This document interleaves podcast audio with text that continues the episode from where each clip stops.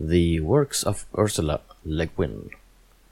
This panel was recorded at Swecon 2018, Fantastica, in Stockholm, Sweden. And the participants are Florence Vilén, Sara Henriksson, Marco Soikeli, and it was moderated by Martin Rundkvist. Svekon-poddar, en poddradio från svenska science fiction och fantasykongresser.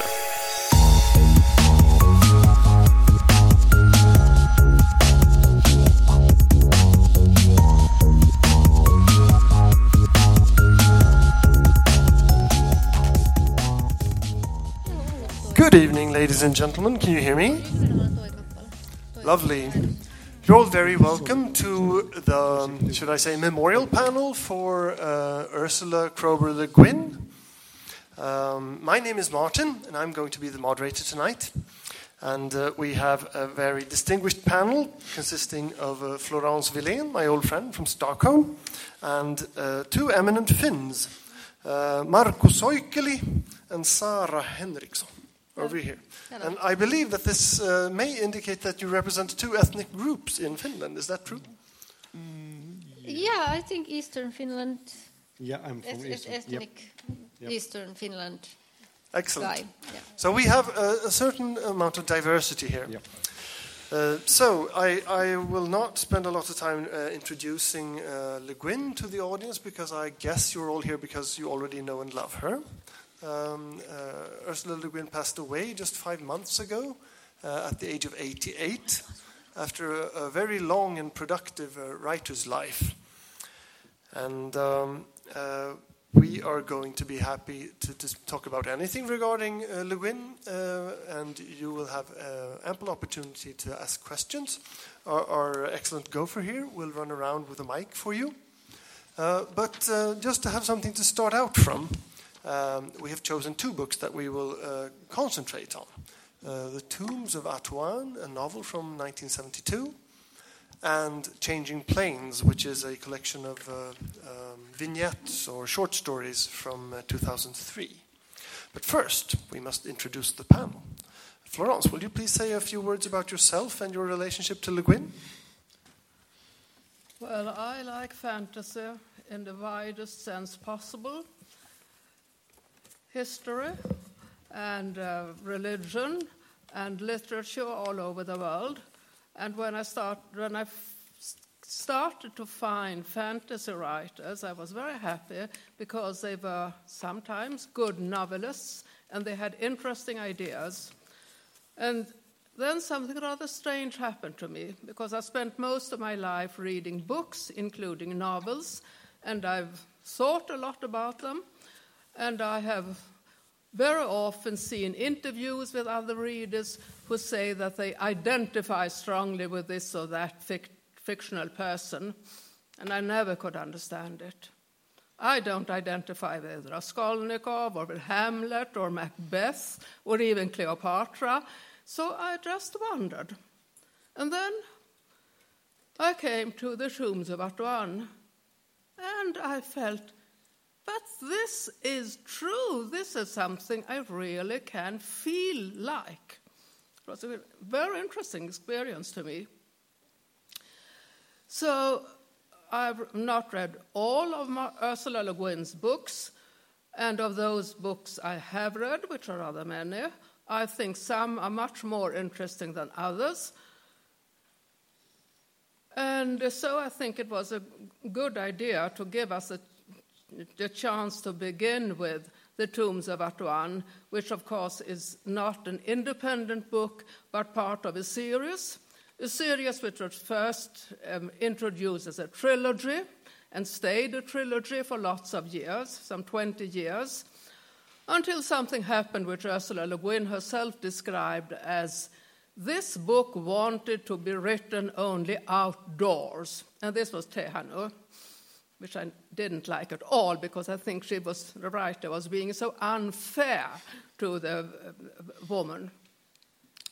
Then it continued with another book, which I think is quite interesting The Other Wind, because one of the main themes is the question about how the realm of death really is constituted and how it was intended to function.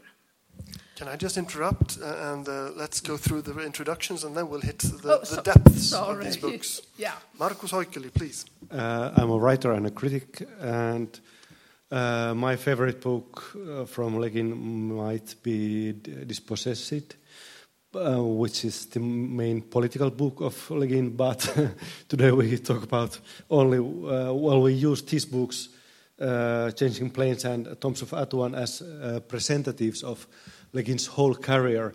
So we may have to mention also the other books that what we are missing this time.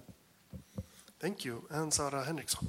Mm, I am a writer and a journalist from Finland, and uh, but I used to when I was younger I used to uh, participate in the environmental movement uh, back in the 19th, and the uh, the first Ursula Le Guin book I, I read was uh, the word for a world is forest.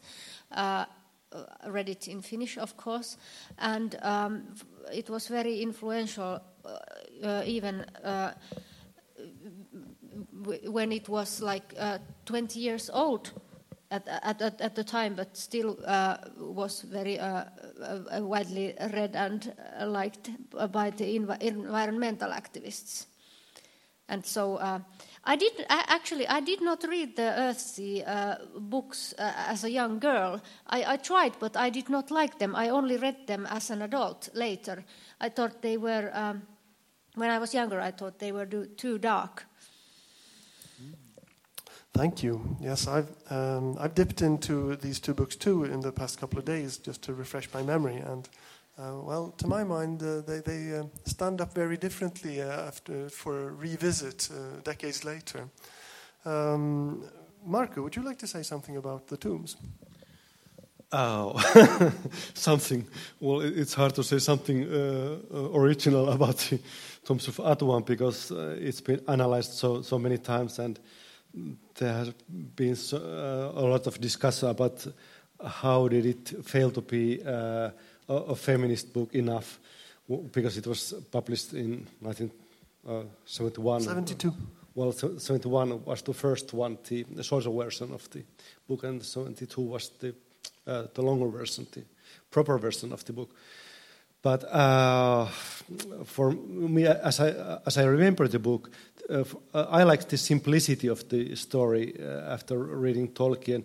I read it in 1980s as a translation in Finnish, and um, I didn't uh, think about the uh, connections with the uh, familiar mythology because it's been said that uh, Le Guin has used so much about the uh, native uh, folklore and the Celtic folklore and, and uh, all kind of fairy, fairy tale stuff because it, it felt like a, an, an original story. And for me, it was the best book of the uh, Earthsea trilogy because it was such a simple story and it was so impressive and, and uh, dark enough for me as a reader. You'll have to correct me, uh, someone here, but I believe that Le Guin has said uh, quite explicitly that it's a book about sexual awakening and uh, coming into sexual adulthood for, for, for women. Or have I just dreamt this? Is this just, this just by my dirty mind? That's one interpretation of the uh, I story. think it's, it's as good as any. yeah, it's like Womps of Atuan, uh, if you read it that way. That's very good. Very well put. Yeah, I, I think uh, Sparrowhawk is very annoying there. He's very, very uh, teachy and very guru-like, and make no make, makes gnomic uh, utterances, and I, I get kind of tired of him. Um, okay, so uh, Marco thinks that this is the best one of the lot of the of, Of the Earth- trilogy. of the of the three first uh, Earthsea books. What what, uh, what what does Sarah and um, Florence say about that? Well, I think it's a, it's the best. Personally, I think it's the best of the six books which nowadays are put together as Earthsea books. But um, that's. I think the first one is also very interesting, but uh, perhaps a bit more, little bit more difficult. And the third dealing with the meaning of death is that's a huge theme, and it's very difficult to make a reader feel completely completely agree with, with the writer because there is no there are no simple answers to this question. Uh, can I just ask the audience a, a, quick show of hands? Who has read uh, the, the Tombs of Atuan? All right, so everybody knows what this is about, pretty much. We don't need to um, uh, give a synopsis. Uh, when I was in high school, uh, the mother of one of my classmates was very depressed, and one evening she went out in the winter on the family jetty on, on the seashore and stripped naked and jumped through a hole in the ice and died. And um, I copied out some pages from the farthest shore for my classmate because I didn't really have the. I mean, we were in high school. I, we weren't super close to each other, but I, I, felt that I needed to communicate something that I might understand that she would feel um, guilty about her mother's death. Uh, that actually did hit the spot. Uh, her, uh, her and her brother um, uh, thanked me quite profusely for this, which made me a bit embarrassed but also happy. So uh, it seems to me that Le Guin did hit some, some useful spots with her uh, ideas about death, even though it may make for a pretty dreary fantasy novel. Mm. So, audience, what about Changing Planes from 2003? Who's read this? Well, that's not quite as common. So here we, it might be a good idea to, to ask maybe Sarah if you would tell them what this book is about. It is not. I, I think it is not uh, one of the most uh, well-known uh, books by Ursula Le Guin. At least it, it, this has not been translated into Finnish, although the majority of, of, of her work is. But we read it in English. For, for the translation was not available, so that in itself it says something about the uh, the uh, how, uh, how how famous this book is. So not not not very uh, not very famous, but. Um, it's mm, well, it's a collection of short stories, but maybe um, maybe more like, as you said, vignettes or anthropological studies of uh, various planes. It's the, the, name of the book is a wordplay. One is changing planes, as in waiting for uh, the next flight at an airport, but at the same time uh, changing various uh, planes of existence and visiting strange places and uh, strange cultures and meeting uh, people there. And the central conceit, could you, somebody please tell the audience about how you. it's also a kind of fictional travel book where you get information about the strange, exotic places where you wouldn't like to go, but you are interested to read about them. And the uh, most usual kind of uh, structure of Le Guin stories is that there is uh, one more civilized uh, society and one more barbaric society, and they have some kind of conflict. And sometimes the uh, more civilized society is our society, uh, from where people are jumping uh, or chasing planes into these more barbarian uh, societies as they think they are. And sometimes the, uh, this conflict is between the societies inside this fictional world. Because uh, Le Guin was not only a builder of uh, fictional worlds, but she was mainly a builder of societies, fictional societies and she, she, for some reason, she, li- she likes this idea of uh, that what will happen when uh, more barbarian and more civilized uh, society meet it, each other. And it's also in, in uh, of Atuan because there is this Kargaish and Hardish societies. Uh, and the main protagonist, Ged, is from this more civilized society, and this female character is from this Gargish and we might remember that uh, uh, Le Guin grew up with the last surviving member of the local Indian tribe living in her garden shed, uh, the famous Ishi, and uh, her father was obviously the, the great anthropologist, uh, um, Kroeber. So uh, she had seen the, on first hand the contact between sort of the green-skinned natives of the world for world, the word for world is forest, and an encroaching empire. Um, uh, may I add that uh, Changing Planes is actually when you are in an airport and waiting for your connecting flight for hours and being bored out of your skull, that's when you can slide sideways out of, of that reality and into these more or less um, um, uh, caricaturish cultures. And, and um, there's, there's one where obviously uh, all the, the young poets and poetesses of the, uh, of the people, they're depicted as uh, people who grow wings. And in many cultures, what, what happens to these poets or wing bearers? Do you, do you remember this one? Anybody in the audience? What should, what should uh, be done in traditional cultures when, when, these young people uh, turn out to be growing wings? Florence, have you got a favorite in Changing Planes? Sorry? Have you got a favorite in Changing Planes?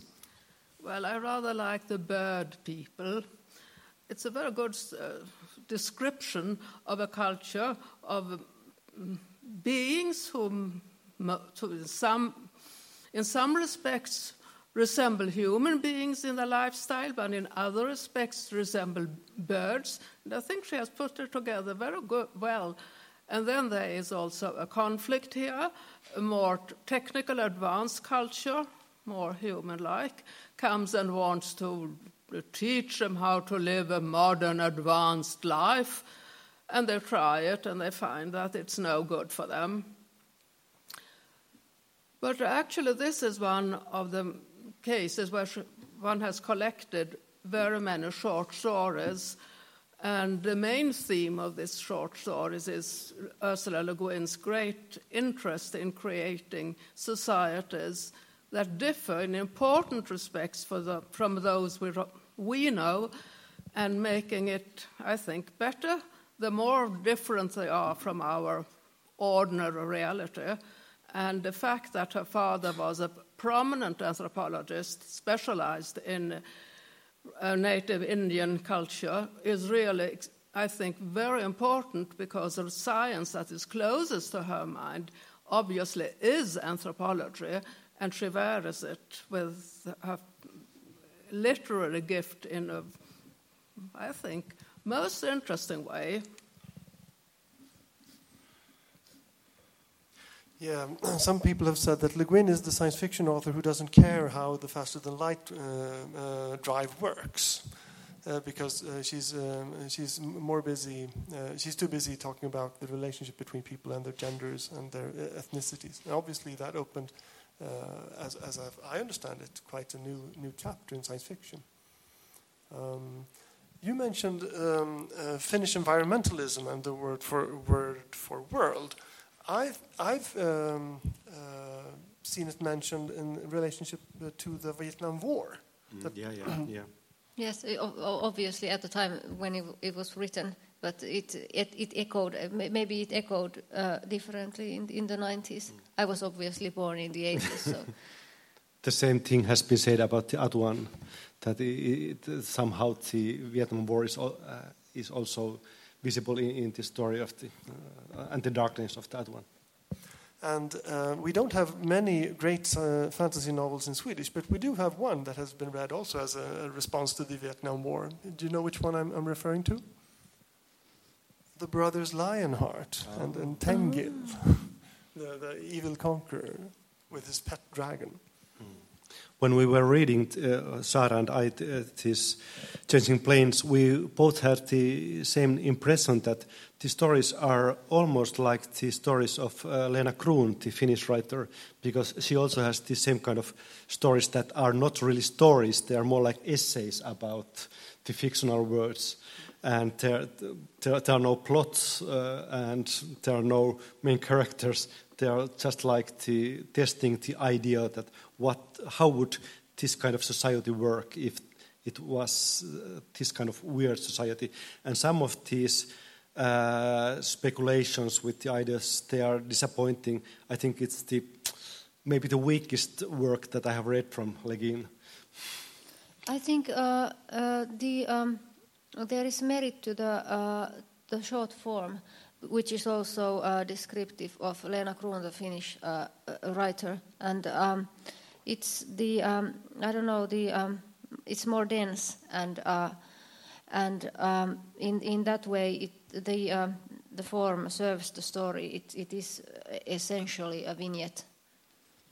Uh, could you please spell the name of this writer? Is it K? Lena, Leena Krohn, L-A-A-N-A, um, uh, N-A, uh, Kron, as in, as in Swedish Kron. K R double O single O Yes, double O. uh, the KR single O. Um, I don't know if she's available in, in Swedish, uh, but Does the audience know? Leena Krohn, and uh, she's been uh, recently published in America. Uh, I think uh, uh, Jeff VanderMeer's uh, publishing uh, house uh, made a volume, uh, a, a, companion volume uh, for Leena Krohn's work. I, I think it was uh, very well received. It was this was like two years ago, so she is available at least in English. Um, but um, she has I, I don't know maybe the same same gravitas than than Ursula Le Guin in, in, in some sense i to being a, a literary uh, w- well maybe we can suspect- literary prose writer Maybe we can suspect that Leena Krohn has read uh, a few uh, of uh, Le Guin's books. f- for for sure yeah yeah we, we can count on that yeah And Actually, Changing Planes is rather like some, you said, a book of essays in um, fictional worlds, while many of the short stories by Ursula Le Guin, I think, are very forceful.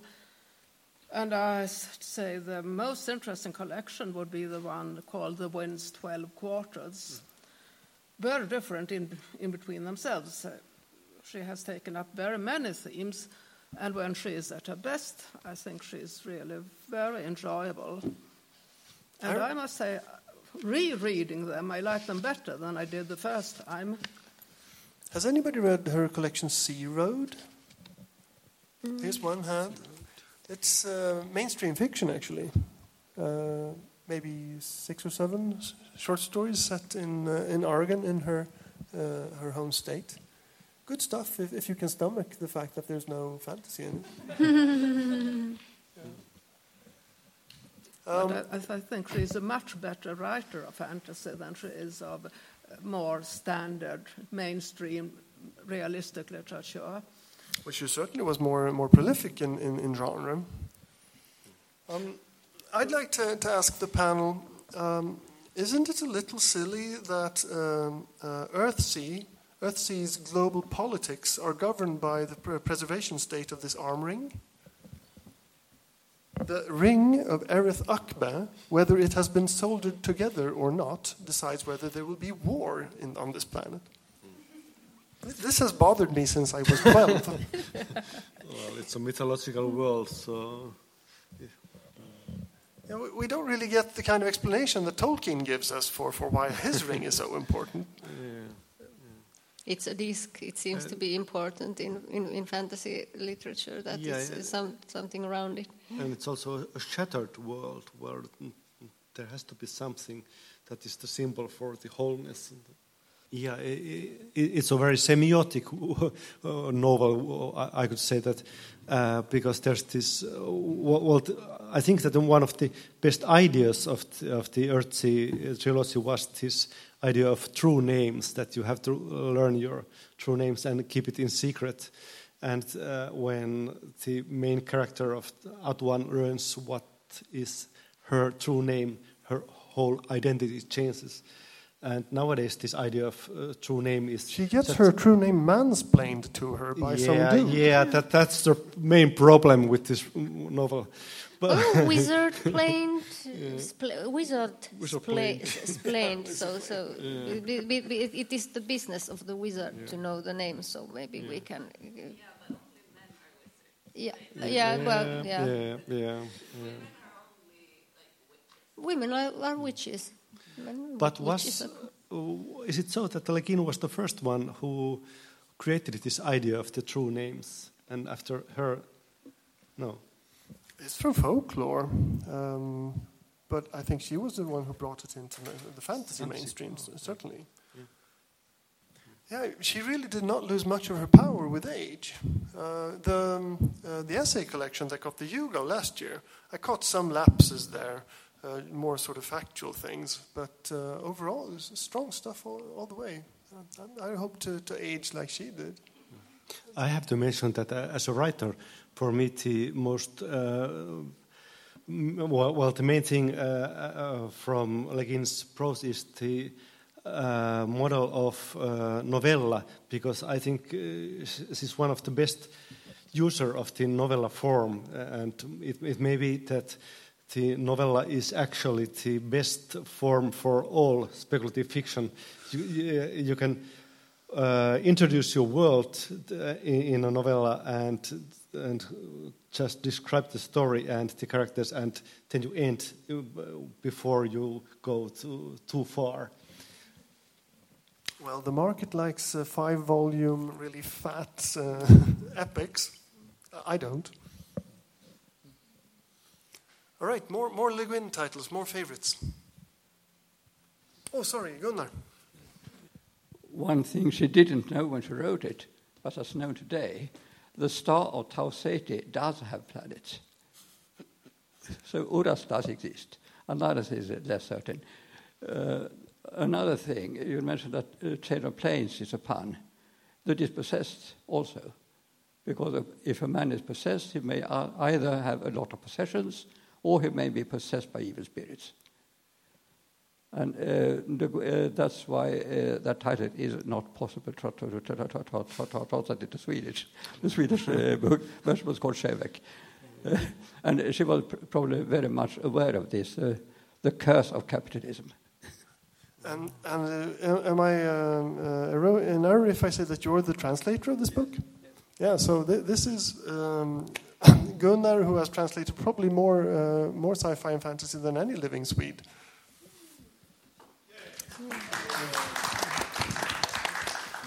Perhaps rivaled by Ylva. Is Ylva here? No, she's on, on another pattern. She, they, they, they uh, sort of play in the same league, wouldn't you say? Yeah. We have actually gotten in Finnish uh, in the recent years more Ursula Le Guin translations from a small publisher. We used to have, of course, the classic uh, Earthsea novels and the, uh, the well, the classic Dispossessed and uh, Left Hand of Darkness, and and also the young adult the young adult series, The Gifts. And and and, uh, and, and, and I don't know. Um, sporadically, there there would be translations, uh, of the short stories, the short story collections, but only now in the 2010 uh, onwards, uh, there uh, have been uh, published in Finnish uh, works as um, Viides tuuli and um, the Eye of the Heron and, Yeah, um, and, and, and other, other, also the backlist is, is, is Especially the short no- forward. novellas, the short novels. Yes, the novellas, yes. Because they are easy to translate and easy to publish because they're short enough. Yeah, I, I think Eye of the Heron uh, uh, only uh, was published in Finnish uh, last year. Yeah. Yeah. Is anybody into Always Coming Home? Yeah. Yeah. I'm super into that one. Here's a few hands and a few nods. Yeah. Uh, so, would you guys want to describe this book to the audience because not everybody has read it? Well, It's it's, a a very ambitious work. It, it, it's almost like an encyclopedia of a world, but mm, well, it, it's hard to say that uh, if it's uh, uh, well, if you can read it as a whole, if there's something meaningful uh, to read it as a whole, because there are poems and uh, short prose stories, and originally there was also this cassette to play uh, with this music for this world, which was composed just for this for this one world. Florence, what were you going to say? Well, um, it's a story about life in California in the future where technology is very low and where myth, ritual, dances are the important thing. So one can say she, she describes something which is fictional but is very much impressed and formed by the cultures her father had studied. And as a contrast, there is high technological knowledge as a satellite computer based and full of information, but this it exists, but it is not at all important to the normal life of this, well, what could one say, late Red Indian lifestyle, which it describes in great detail. It's an interesting book, but I think you must have a specific taste for anthropology, really, to enjoy it. But then I should like, if, if I may, to speak about Lavinia. Hmm? What does the audience say? Do we have any Lavinia fans here? I think that's one of the very few I haven't read at all. Yeah, we have. Oh, yeah, we have. Well, Lavinia is very special kind of book. It um, starts with Virgil, so it goes back to the traditions of European classic fiction. Virgil's Aeneid is full of figures that have impressed and formed European literature for 2,000 years. And one of the persons there, Lavinia, is a young princess who doesn't utter one word in the whole epic of the Aeneid, but she is uh, the, the symbol or the, uh, this pretended reason for the fights going on in the story. While what Le Guin has done is letting Lavinia tell her own story in the form of a kind of visions of the dying poet Virgil, which is a game of time which is quite particular. And I think she manages quite well. This um, person from ancient Roman myth becomes very much alive. Her problems in this special kind of war dominated society where she grows up uh, is impressive. Uh, she, the writer, Le Guin, is using quite a lot of those tricks of writing and of distorting time in a meaningful way, which is usually very highly prized by critics as long as it occurs in mainstream fiction. And the idea of taking inspiration for a, for a novel, I don't know if I should call it a fantasy novel or not, depends on how you define fantasy, of course, from one of the really great classics of, of Europe is brave, fresh, surprising, very personally made. It's one of Le, of Le Guin's latest works. I don't remember when it was published, 1911 or something. No, 20, 20, 20 no, not 19, 20, 2010 or something like that. I don't think it's very well known, but I think it's a work that will, I hope, gain its rightful place among the works that in a personal way, rework one of the standard themes of European fiction, the way, you know, writers make their own versions on Ulysses and Faust and such people. And she uh, took it very seriously, of course. She started refreshing her old school time knowledge of Latin. She uh, read Virgil in the original and that's no easy matter. To, and she did not retell the story. She used the story as a background, among the other things, for the connection between a person in fiction, Lavinia is a fictional person, and the poet creating this fiction, and yet Lavinia, the fictional person, is more alive than the dying poet. It's from 2008. It sounds really interesting to me. You know? Sarah, would you like to say more about the left hand? I think you mentioned it before. Mm, I can't remember it very well, but I, I remember uh, liking also the. Um, I can't remember uh, the, the the Heinian short story, uh, the short, story collection with the Heinian stories. Uh, se, mikä on ton kirjavan julkaisema. Excuse me, the, uh, um, the, uh, but anyway, anyway the um, short stories set in the same world I like them very much. The, uh, the day before revolution. Uh, it, the birthday of the world. Is that the one? Maybe, maybe but mm. yeah. But um, mm, left, I, I, I think the, the, the, gender politics in the in the left hand of the darkness was um, uh, well. Well, I, I, I, of course I read it after the uh, after the uh, uh, contemporary uh, gender uh, discussions and after the uh, queer theory and after the the gen- more more general knowledge of the um, uh, mul- mikä oli- Multiple identities. Well, well, no ei vaan siis... Intersectional identities. Joo, siis toi, toi, ei vaan niinku gender monimuotoisuus. Well, any, any, any, anyway, but but but it uh, it's it's a struck a chord, and of course, always uh, um, for a, a young person or a young reader um, um, uh, looking for their I don't know, for, forming their identity. It, it, it is all, the, the gender is at, at the very uh, heart and the, at the very core of the of, of the self and the formation of the self and the identity. So I, I think it's always always an an, an idea um, uh, that, that that is al- always um, very um, interesting especially especially for for a, for a young reader. I believe uh, um, young people still read The Left Hand of Darkness. It's it's taught in science fiction courses, that's that sort of thing. So it's. Uh, it's I, I, I think I think I think they do. Uh, at, Yeah. at least if they're made to. Oh yeah, yeah, I, I- agree with you. And I, I always try to get young folks to read uh, The Dispossessed because it's such a passionate book.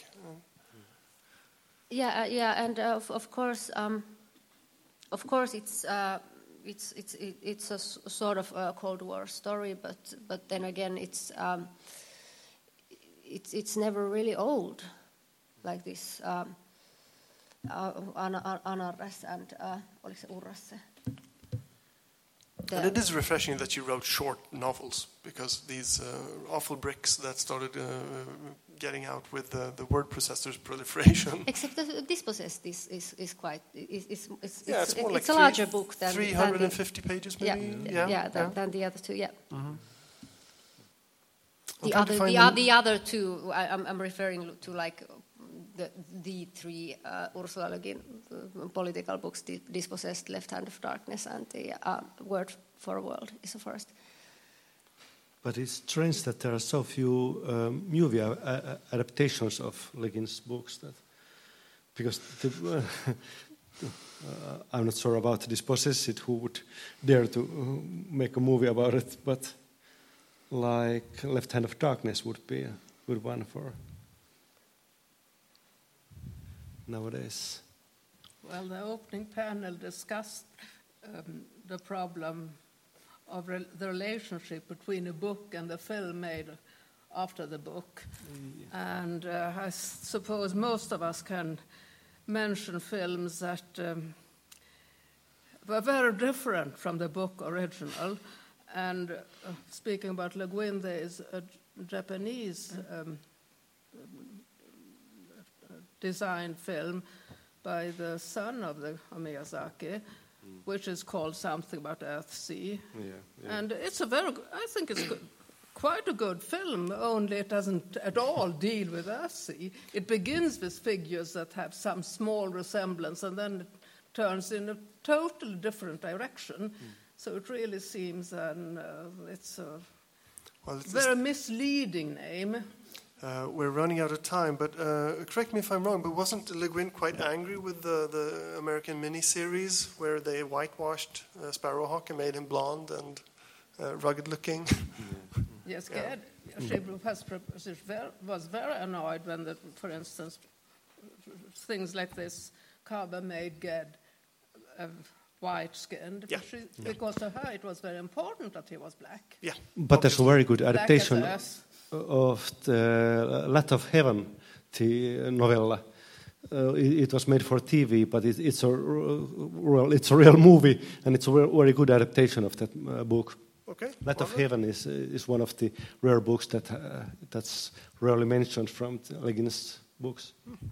I, I checked the name of the short story collection you mentioned. I think it's A Fisherman of the Inland Oh, Sea. yeah, yeah, Is that yeah. the one? Of course, yes. Uh-huh. Sisämeren kalastaja Yeah, in Finnish. yeah. Yeah, so read Excuse it in, me. read it in Finnish, okay?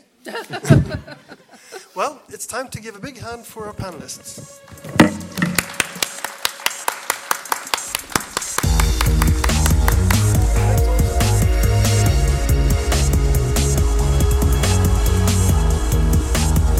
Musiken av Psychedelic Pedestrian från Free Music Archive.